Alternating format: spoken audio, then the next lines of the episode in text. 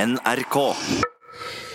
Da er det en fornøyelse å igjen kunne si hallo til Ståle Utslagsnes fra Utslagsnes. Hei, hei du! Ja da. Hallo! Hvordan står det til på Utslagsnes i dag, Ståle? Du, eh, her eh, går det stort sett eh, skikkelig greit nok. Altså, jeg, jeg, jeg er på jobb i dag. Jeg, jeg kjører, eh, kjører hummer. Å ja, ja, det er, jo, det er hummerfiske nå, ja. Ja, ja, ja. Ja, Hvordan har fangsten vært eh, så langt? Ja, det har vel vært sånn det bruker å være. Altså, det blir jo ikke bedre fiske for det om det blir i oktober. Hva mener du Eh, med Altså, altså hummeren vet jo ikke hva dag det er, eller hva måned det er. Nei, men det er jo ikke lov å fiske hummer utenom, utenom nå på disse månedene på året. Ja, altså Det er vel mer at du ikke kan selge hummer resten av året. Hæ? Ja, jeg, jeg, men jeg kjører jo aldri hummer ø, ø, om våren og sommeren og sånn. Det er jo ingen som selger hummer da, på den tida der. Nei, selvfølgelig er det ikke Men det er jo ikke lov. Nei, det er jo det jeg sier! Jo, men det gjelder jo ikke bare salg, Ståle. Det, det er ikke lov å ta opp hummer i det hele tatt ellers i året. Nei, Du, du, du, du kan jo ta opp det du bruker sjøl, eller gi, gir bort til folk du kjenner og, og, og sånn. Nei, du kan ikke det. Selvfølgelig. Eget bruk, jo. Det er ingen som finner ut av det.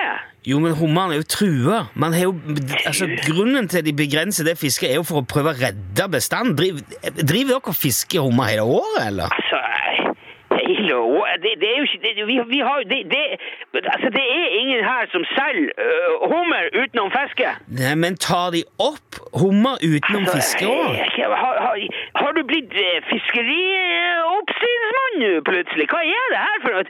Tror ikke du at vi følger loven her nordpå? Ja, altså, Stort sett. Stort sett. Jeg, Ja, stort sett så Ja. Mm. gjør vi faktisk det. Dere har nå en tendens til å tolke en del lover òg, har jeg inntrykk av. Ja, du mener det? Du, ja. Ja, b- både når det gjelder heimbrent og hummer, har jeg inntrykk av. du har så mange inntrykk, du, Nilsson. Det virker som det er ganske fort gjort å gjøre inntrykk på deg. Ja. Jeg, nå, jeg har ikke ringt for å krangle om hummer, Ståle, men Nei, nei. behøver Det ikke virker veldig sånn eh, eh, for, for min del, i hvert fall. Nei, jeg- du Egentlig så vil jeg spørre om søskenbarnet ditt.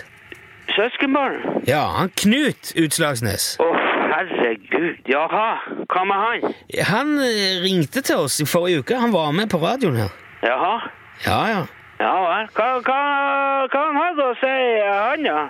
Nei, masse. Han fortalte at han driver med, med lommebøker av, av kenguruer. Ja, han gjorde vel det. Å, Herre min hatt, uff. Hva mener du med huff? Stemmer ikke det? Nei, altså, han har laga ei lommebok ut av pungen til en kenguru som han kjørte ned med bil litt eh, tidligere i høst. Ja, det, det er bare ei. Ja, du sier meg, har du sett mye kenguru i Norge eh, før, eller? Nei, det er jo ikke kenguru i Norge. Vel, Eller i hvert fall ikke i Nei, utgangspunktet. nettopp. Han Knut meid ned én kenguru opp i fjellet litt sørpå her tidligere, og så skulle han plutselig begynne med lommebøker. Men du vet at eh, ei høns blir ikke til ti fjær. Eh, Altså, ei høne har jo mye mer enn ti fjær. Ja, men hun, kan- hun, kan, hun kan ikke bli, bli Altså, og, fordi om du har og ei, ei høne, altså Fjærene til ei høne kan jo ikke bli Ja, ei, ei, ei fjær kan ikke bli til ti høns, er det det du mener? Ja, ikke sant? Du, får ikke, du kan ikke få en hel kengurulommebokfabrikk u- ut av én død kenguru. Nei, det skal vel godt gjøres, ja. Ikke sant? Men han Knut han har jo mye i kjeften. Ja, ok, du mener det, ja. Ja, ja. Vet, vet du, Da han var yngre, så fant han en sånn eh, livbøye i fjæra, du vet. Og da skulle han starte forsikringsselskap. Eh, Forsikringsselskap? Ja! Du vet, så, han har sånn eh, det det der ve- vesta Altså han- med, med sånn bade... Altså Ja, liv- som Vesta, Hygea Hygge, hygge, ja. Ja, de heter jo Trygg nå. Men jeg, ja, jeg skjønner, det er jo de. Ja, men de har jo sånne livredningsbøyer, ikke sant? ja, ja, men man, man får jo ikke forsikringsselskap av ei livbøye. Nei, nettopp! Men han, han Knut tror jo gjerne det. Ja, ok. Så han begynte jo å selge forsikringer til folk ute på Høgtangen der, og tjente masse penger på det, faktisk. Oi. Og han solgte livsforsikring og bilforsikring og alt mulig med den der livbøya rundt halsen.